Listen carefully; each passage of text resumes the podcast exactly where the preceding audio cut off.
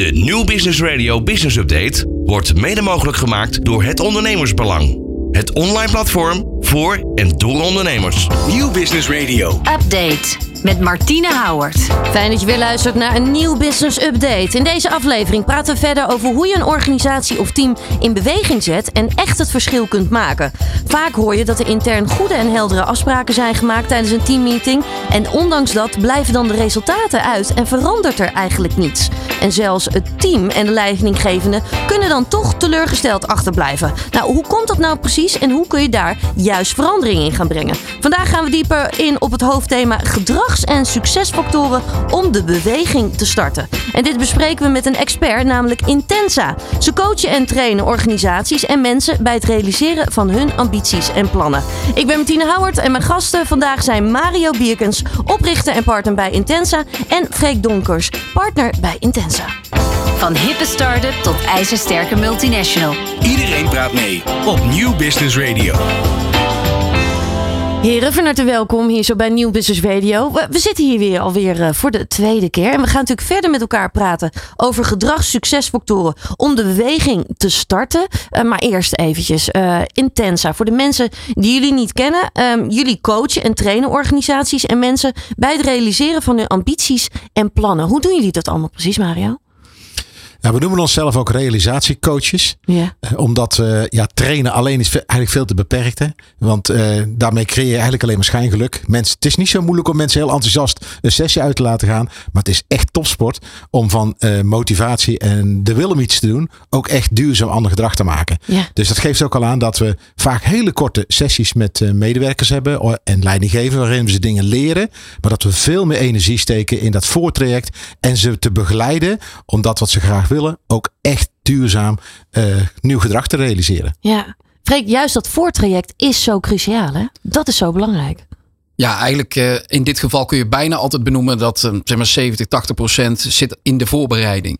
Op het moment dat je dat met elkaar uh, goed aanpakt, ja, dan weten we in ieder geval waar we concrete stappen in kunnen zetten. En uiteraard moet je er dan achteraf zeker de regie op gaan zetten. Maar van tevoren met elkaar bepalen wat is nou het gewenste gedrag en op welke momenten laten we dat zien.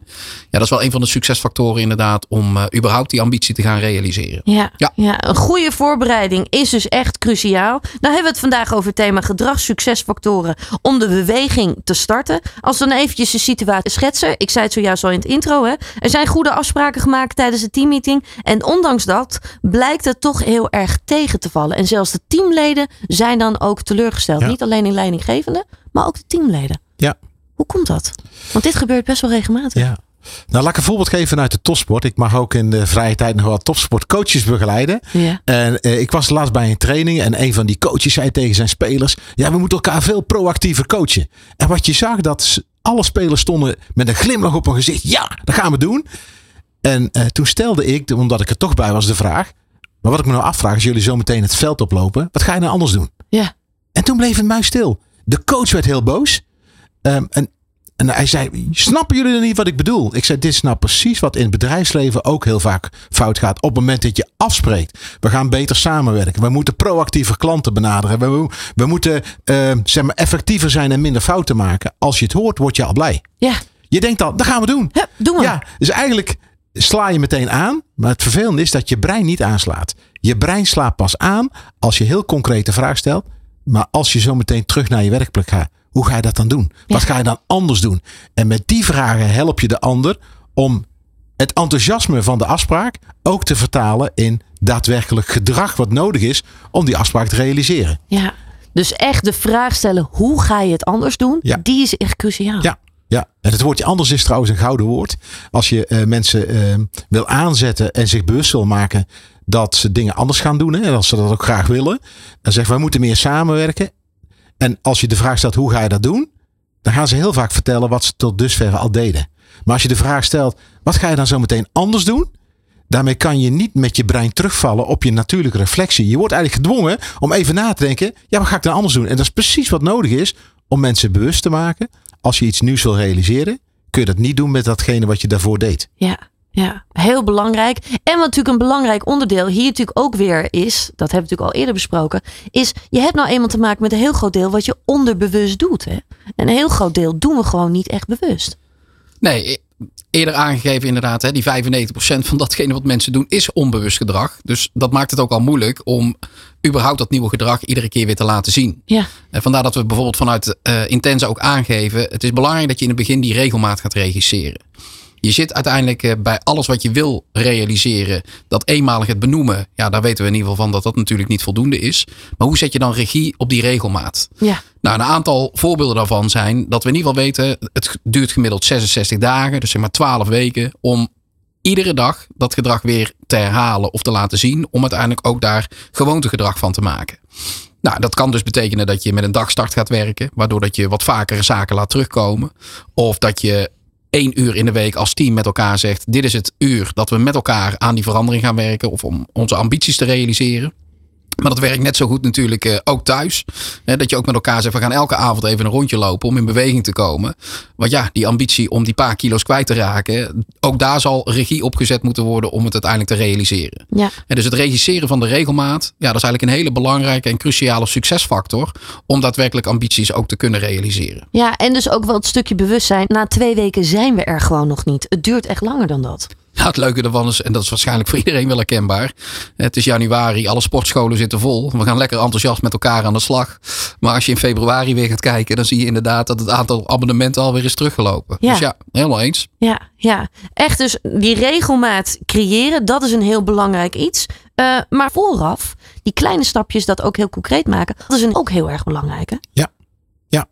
ja als, het, als het niet concreet is, dan, uh, dan koop je eigenlijk schijngeluk en dan gebeurt er niets. Ja. Ja, dat voorbeeld gaf je zojuist al. Uh, ik zag hier zo staan VTA. Ja. Wat houdt dat precies in? Nou, we willen mensen bewust maken als je dingen wil realiseren, dan kun je zelf ook helpen. En ook een ander als je een leidinggevende bent. Elk moment, denk bijvoorbeeld aan een teamoverleggen, dat is heel herkenbaar. Um, heel vaak, dat noemen wij het tijdensmoment. Maar dan zit je in je 5% bewust gedrag. Ja. En wat we juist altijd willen, en managers ook willen leren, als je nu het voorafmoment ook benut en daar goed over nadenkt, hoe kan ik mijn teamleden alvast aanzetten op een onderwerp, zodat ik in het moment dat we bij elkaar zitten, het tijdensmoment, veel sneller tot actie kan komen. Laat ik een voorbeeld geven. In heel veel overleggen wordt veel aandacht besteed aan het bespreken van de status, van de cijfers. En wij zeggen dat is eigenlijk doodzonde om dat in je teamoverleg te doen. Stuur de cijfers van tevoren toe en geef er een activerende vraag bij. Bijvoorbeeld, als je kijkt naar jouw cijfers. Wat ga jij de komende maand extra doen? Anders doen? Waar wil je focus op zetten? Zodat je alsnog je doelstellingen gaat halen. En door die vraag aan de voorkant mee te geven, kun je het overleg heel anders starten. Kun je veel sneller in de energie komen. En mensen ook daadwerkelijk in het overleg met elkaar laten sparren over hoe de vraag die je gesteld hebt ook zo makkelijk mogelijk te realiseren. Ja. In plaats van anders heel veel energie te verliezen op het bespreken van de status die eigenlijk al voorbij is. Ja. En je zit de film te recenseren die al voorbij is. Wij zeggen, je kunt beter het script maken voor de fantastische film die je met elkaar gaat maken. Ja, mooi, mooi. Ik kan me wel voorstellen dat, dat heel veel mensen dit nog niet doen. Hè, Nou, dus dit- nog, ehm, dat in, inderdaad, je ziet dat een heleboel mensen dit graag wel willen. Ja, En dat wordt ook vaak wel toegepast, maar dan zit er ook weer geen regie op. dat Dus- is het. Dus het willen en het doen, dat is echt nog eventjes, dat zijn twee verschillende dingen. Ja, en dan wordt er bijvoorbeeld, eh, nou maar gaf het voorbeeld van een vergadering. En dan wordt er bijvoorbeeld van tevoren wel een, eh, een agenda toegestuurd met een aantal voorbereidende vragen. Maar als daar geen regie op zit, ja, dan wil dat nog niet altijd zeggen dat mensen dus ook goed voorbereid naar een vergadering komen. Dus juist in eerste instantie, als je dus met nieuw gedrag bezig wil gaan, waarvan we eigenlijk uitgaan dat dat normaal gedrag is. Ja, zelfs dan moet je zoeken naar de momenten waarop je als leidinggevende wel even de prikkel kunt geven om mensen weer aan te zetten. En de een doet dat van nature heel snel. En de ander heeft echt af en toe wat hulp nodig om daar nieuw gedrag van te maken. Ja. En eh, nou, dat maakt het eigenlijk ook wel leuk om iedere keer te kijken. Nou, wat zijn de hulpmiddelen die ik daarvoor in kan zetten? Ja. Ja. en een belangrijk onderdeel dus is dus vooraf hoe kan ik dus eigenlijk mensen tijdens die meeting mee gaan nemen. Dus dat je dat goed regisseert. Maar ook tijdens die meeting is het regisseren denk ik ook heel belangrijk. Ja. Ja, wij zeggen ook als je heel veel praat en veel overleg hebt, daar krijgen mensen niet, vaak niet veel energie van. Dus kijk ook hoe je, je overleg, in je overleg de mensen ook al enthousiast kunt maken door met elkaar dingen te gaan doen. Dus kies veel, veel meer voor actieve werkvormen in plaats van passief overleggen. Want dan gaat meestal de geest al uit de fles. Ja, ja. Quick wins zijn dus ook wel heel erg belangrijk dan ook weer. Ja, nou laat ik een voorbeeld geven. Als wij ook leidinggevende coachen, dan willen ze het liefst op een meest moeilijke medewerker alle tips die ze van ons krijgen toepassen. Ja. En wij zeggen, dat is niet zo handig, want de kans dat dat tot succes leidt is heel klein. Begin nu met de medewerker waar je heel goed contact mee hebt. Waarvan je denkt, daar werk ik al prettig mee samen. Probeer daar bijvoorbeeld dat VTA's toe te passen. En kijk eens wat dat doet met de effectiviteit van jullie samenwerking. Maar dat geldt ook voor medewerkers. Als je ze vraagt bij welke klant of bij welke collega zou je dit als eerste willen toepassen.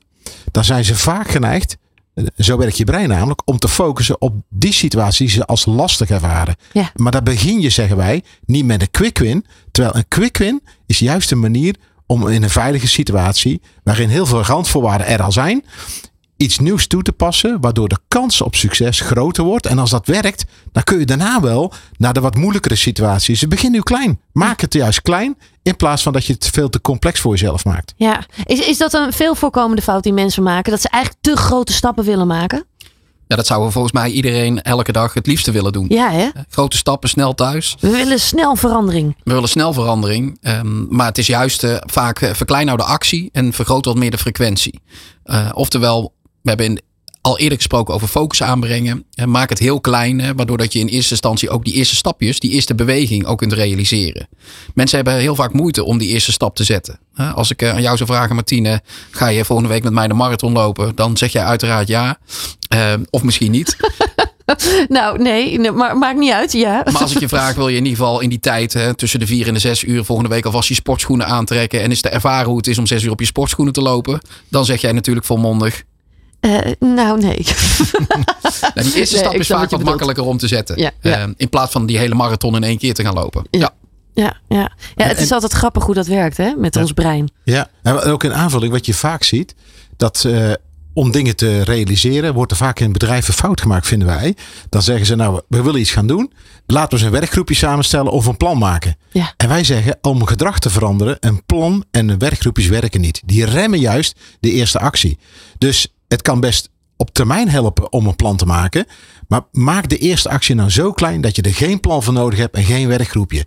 Gewoon simpele vragen. Welke klant of welke collega spreek je vanmiddag waarvan je denkt, daar ga ik het als eerste toepassen. Ja. En als je het hebt toegepast, dan deel je een succes of je hebt iets geleerd. Eh, maar dan maak je het veel kleiner. Laat ik een voorbeeld geven in een ziekenhuis waar wij waren. Daar wilden ze de patiëntvriendelijkheid verbeteren. Daar hadden ze al van alles bedacht. En toen kwamen wij binnen. Toen zeiden we, nou laten we nou eens heel simpel. Wat gebeurt er nou vaak in het ziekenhuis? Dat je aan het bed komt bij een patiënt die je of eten geeft, of een, medische check-up doet, of begeleidt naar. Hoe kun je daar nu met een quick win, iets wat je heel weinig tijd kost, maar wat de patiënt wel ervaart als zo, dat is eh, patiëntvriendelijk. En toen bedachten de verpleegkundigen zelf, voordat we weggaan, stellen we nog één vraag aan de patiënt. Waarmee kunnen we je nog helpen? Is er nog een vraag die je beantwoord hebt? Of graag zou willen hebben? En toen zijn we dat gaan doen. En toen zeiden we, dat doen we tot 12 uur. En als het niet werkt, of het, het maakt jouw werk niet leuker, dan stoppen we er meteen mee. Ja. Nou, dat vonden alle verpleegkundigen een prima suggestie. Want het kostte niet veel tijd. En wat ze constateerden om 12 uur, ze zeiden, alle patiënten reageren eigenlijk heel positief. Ook wel verrast. En we worden minder gestoord, blijkt gedurende de ochtend. Doordat er op een bel wordt gedrukt dat iemand alsnog een vraag heeft. Dus hun werk werd leuker. De patiënten reageerden positiever. En dat was de brandstof om het de middag en de rest van de weken ook te blijven doen. En daar geloven wij heel erg in. Ja. Maak het zo klein dat ze het meteen ervaren en dat ze kunnen doorpakken. Ja, en dit is nou een mooi voorbeeld van zo'n quick win methode. Eh, want wat Mario wel toevoegt is, eh, het komt ook vanuit de verpleegkundige in dit geval zelf. En daar zie je natuurlijk ook wel een cruciale factor. Dat op het moment dat je die quick wins gaat bepalen, dat je dat niet vanuit eh, management of directie doet. Maar dat je juist je mensen erbij betrekt. Zij zijn over het algemeen de mensen die ook sneller die quick wins zien. Omdat ze dagelijks met dat soort situaties te maken hebben. Ja. Dus een, eh, een heel mooi voorbeeld inderdaad waarbij je snel resultaat ziet. Ja, Ja. goed hè? Hoe, hoe, hoe doe je dat? Hè? Want dat is natuurlijk altijd wat veel bedrijven willen. Ze willen juist hun werknemers er goed bij betrekken. Maar hoe creëer je dat? Wat is daar belangrijk voor? Nou, het betrekken van medewerkers, dat start eigenlijk al natuurlijk door ze deel eh, te laten maken van, van de ambities die je zou willen realiseren. Eh, Vaak wordt dat vanuit een boardroom of vanuit een directiekamer eh, ontwikkeld. Het is goed natuurlijk dat daar de visie zit. Maar uiteindelijk is het wel noodzakelijk om je mensen daarin mee te nemen. Ehm, als je kijkt naar de wetenschappen, dan wordt er vaak gezegd dat 2% van je mensen ongeveer visionair zijn. Die zien uh, nou ja, 3 tot 4 tot 5 jaar vooruit en hebben ook al door hoe dat je daar moet komen. Dat is maar 2%. Dat is slechts 2%. Ja. Ja, 27% van de mensen, dat zijn de planners. Die kunnen nog één jaar vooruit kijken. En die snappen ook nog steeds hoe dat ze met mijlpalen daar kunnen komen. Maar daar komt hij, hou je vast. 71% van de mensen betekent automatisch. Dat zijn of de dagjesmensen of de brandweermannen. Die zijn nog met deze week bezig of met gisteren. Dus als je als leidinggevende een mooi plan neerlegt. En je vertelt jongens hier willen we graag naartoe. Dan kijkt 71% van de mensen zich toch vaak aan van goh wat gaan we vanmiddag doen. Nou en daar wil je als leidinggevende natuurlijk eh, in ieder geval van weten. Van goh laten we ze nou meteen betrekken. Dat we niet de grote stappen te snel gaan. Maar dat we aan het begin al kijken van goh waar zien jullie de quick wins. Wat zouden jullie vanmiddag al anders kunnen doen. Dan heb je in ieder geval 71% van je mensen al te pakken. Ja. Ja, en dus ook een mooi voorbeeld inderdaad, maken toegankelijk. Het moet niet een te groot offer al meteen zijn bij die eerste stappen. Ja, en wij zeggen ook vaak met een grapje, uh, leer een hond niet miauwen, maar leer een hond beter blaffen. Uh, dus als mensen de, uh, aanpakken dat ze daar energie van krijgen, help ze om dat op een effectievere manier te doen. In plaats van we gaan ze leren hoe ze goede plannen moeten maken. Ja. Nee, zet ze in hun kracht. Ja. Ja, je wil juist dus echt in dat stukje bewustzijn, die 5% hè, waar we het over hadden, daar wil je dus echt die start van beweging wil je creëren. Ja. Dat is dus heel erg belangrijk. Dat blijft er eigenlijk natuurlijk wel herhalen. Maar dat is dus echt cruciaal. En, en, wat uh, veel leidinggevenden doen, is stel ze plannen een overleg van een uur. Dan zit dat uur tot minuut 62 bij wijze van spreken helemaal vol. En wij zeggen, stop het vol tot uh, minuut 45. Dus besteed twee derde aan het overleg. En minimaal een derde dat je met de collega's bij elkaar zit. Oké, laten we gelijk starten. Zoek een collega op. Maak je mailtje. Kijk even wat er nodig is om te starten. Zodat ze op minuut 60 gestart naar buiten lopen. In plaats van dat ze eh, met huiswerk naar buiten lopen. Ja. En wij merken dat geeft een hele andere energie aan het eind van de meeting. En als je al begonnen bent, voelt het anders dan dat je iets nog in gang moet zetten. En dus wij zeggen, die twee derde, een derde is ook heel belangrijk. Zowel bij interne meetings, maar ook bijvoorbeeld als je klantafspraken hebt. Plan de tijd niet vol met praten. Bouw altijd minimaal een derde tijd in. Om met die klant, oké, we hebben dit nu besproken. Waar gaan we als eerste mee starten? Hoe kunnen we nu gelijk dingen, wie kunnen we gelijk bellen? Wat kunnen we nu al gelijk doen? Zodat we zometeen al het gevoel hebben, hey, we hebben ons huiswerk eigenlijk al klaar en we zijn begonnen. Ja, ja je wil niet alleen maar zenden. Je wil juist ook die contactmomenten ja, precies. creëren. Gewoon dingen doen en daar krijgen mensen energie van. Ja, je zult zelfs ervaren dat bij klanten, stel dat je het vanuit de sales beziet en je oppert dat, dat je in de laatste 10 minuten met elkaar niet alleen die vervolgafspraak maakt, maar dat je eigenlijk al de eerste stappen met elkaar wilt gaan realiseren en die inplant, dan voelt zo'n klant ook de beweging al in dat moment. Waardoor dat de kans van slagen ten opzichte van je concurrentie ook al vele malen groter wordt. Ja. En dus dat bewegen in het 5% moment, dat lijkt een, eh, een hele simpele stap. Maar als je daar eh, bewust als, als manager of als medewerker gewoon naar kijkt, wat wil ik hier nou als eerste beweging uithalen, dat voor jezelf al concretiseert, ja, dan, uh, dan heb je weer een stap te pakken in, uh, in de juiste richting. Ja, hier is echt ook dat concreet maken. Maar de communicatie is natuurlijk knetterbelangrijk bij dit soort dingen. Juist ook de juiste vragen stellen. Nou heb je startersvragen en bewegingsvragen. Waar moet ik dan aan denken? Nou, bewegingsvragen, daarmee help je degene die iets gaat doen om in beweging te komen. En een startvraag is er één van. Hè? Je kunt dus bijvoorbeeld zeggen, waar ga je zo meteen mee starten? Maar je kunt ook zeggen, stel, het is vandaag uh, uh, vanmorgen om acht uur, je bespreekt iets met iemand. Stel, je rijdt om vijf uur naar huis. Wanneer ben jij tevreden? Wat zou je bereikt willen hebben? Daarmee vergroot je het gevoel van urgentie. En help je ook iemand om de intentie die die uh, met jou heeft afgesproken, ook voor zichzelf een duidelijk doel voor die dag aan te koppelen. Dat helpt dus ook. Ja. Dat zijn ook bewegingsvragen. Een bewegingsvraag is ook door het concreet te maken aan welke twee collega's of aan welke twee klanten zit je te denken waar je dit deze week zou willen toepassen. Uiteindelijk zie je met, met dit soort vragen altijd dat je natuurlijk wilt dat mensen niet alleen het eerste stapje gaan zetten, maar dat je aan de andere kant ook voelt dat het commitment er is. Dat mensen ook daadwerkelijk die beweging willen gaan maken. Juist. En als je daar voorbeelden uithaalt, dat je bijvoorbeeld zegt van nou, eh, laat me aan het einde van de dag even weten welke twee mensen je al gesproken hebt. Ja, dan is de kans op bewegen al groter. Als je tegen een klant zou zeggen, zou je me vanmiddag alvast even de twee e-mailadressen willen sturen van de mensen die ook graag de offerte ontvangen. En dat wordt gestuurd. Ja, dan voel je ook al dat het commitment wat groter is. En dat die eerste stap vanuit de klant in dit geval ook al gezet is. Het is zowel commercieel als ook gewoon mensen in beweging zetten. Een hele handige manier om daadwerkelijk, ja, ook vanuit gedrag weer een volgende fase in te gaan. Dus een startvraag of een bewegingsvraag stellen. Waarbij de, de, het belangrijkste, je had het al over toon de ander moet niet voelen als je dat als leidinggevende vraagt dat je hem controleert. Het Ja, moet voelen, ik het. help jou te realiseren en ik ben oprecht geïnteresseerd of het je vandaag lukt. En dat is cruciaal. Als je het bespreekt, leidt het zo in dat het voelt als helpen realiseren in plaats van als verkapt controleren. Ja, ja. Juist die nieuwsgierigheid moet er ook denk ik Ja, ook wel echt in zitten. precies. Van joh, hoe zie jij dat nou echt? Ja, ja, en ik ben zo benieuwd aan het eind van de dag. Laat me weten of het je gelukt is. Dat voelt heel anders. Ik wil aan het eind van de dag wel even weten of je die twee klanten gebeld hebt. Als dat de toon wordt, dan bereik je precies het averechts effect. Het Ja. moet voelen. Ik ben zo oprecht geïnteresseerd of het je lukt. Laat het me dan ook weten. In plaats van dat ik het pas over een week of twee weken hoor tijdens een teamoverleg dat het je niet gelukt is. Ja, ja, helder. Een ander onderdeel dan nog is ook belangrijk, scenario denken. Ja, er zijn altijd drie scenario's mogelijk. Mensen zijn enthousiast, mensen zijn wat neutraler of mensen zijn in eerste instantie niet positief. En het is goed om vanuit gedrag altijd te kijken van met welk scenario kunnen we rekening houden. En het brein kan namelijk niet uit de voeten op het moment dat mensen daarmee geconfronteerd worden met bijvoorbeeld een slecht scenario. En je zou op dat moment nog heel creatief moeten gaan nadenken. Ja, dat kost heel veel energie en dat is niet voor iedereen weggelegd.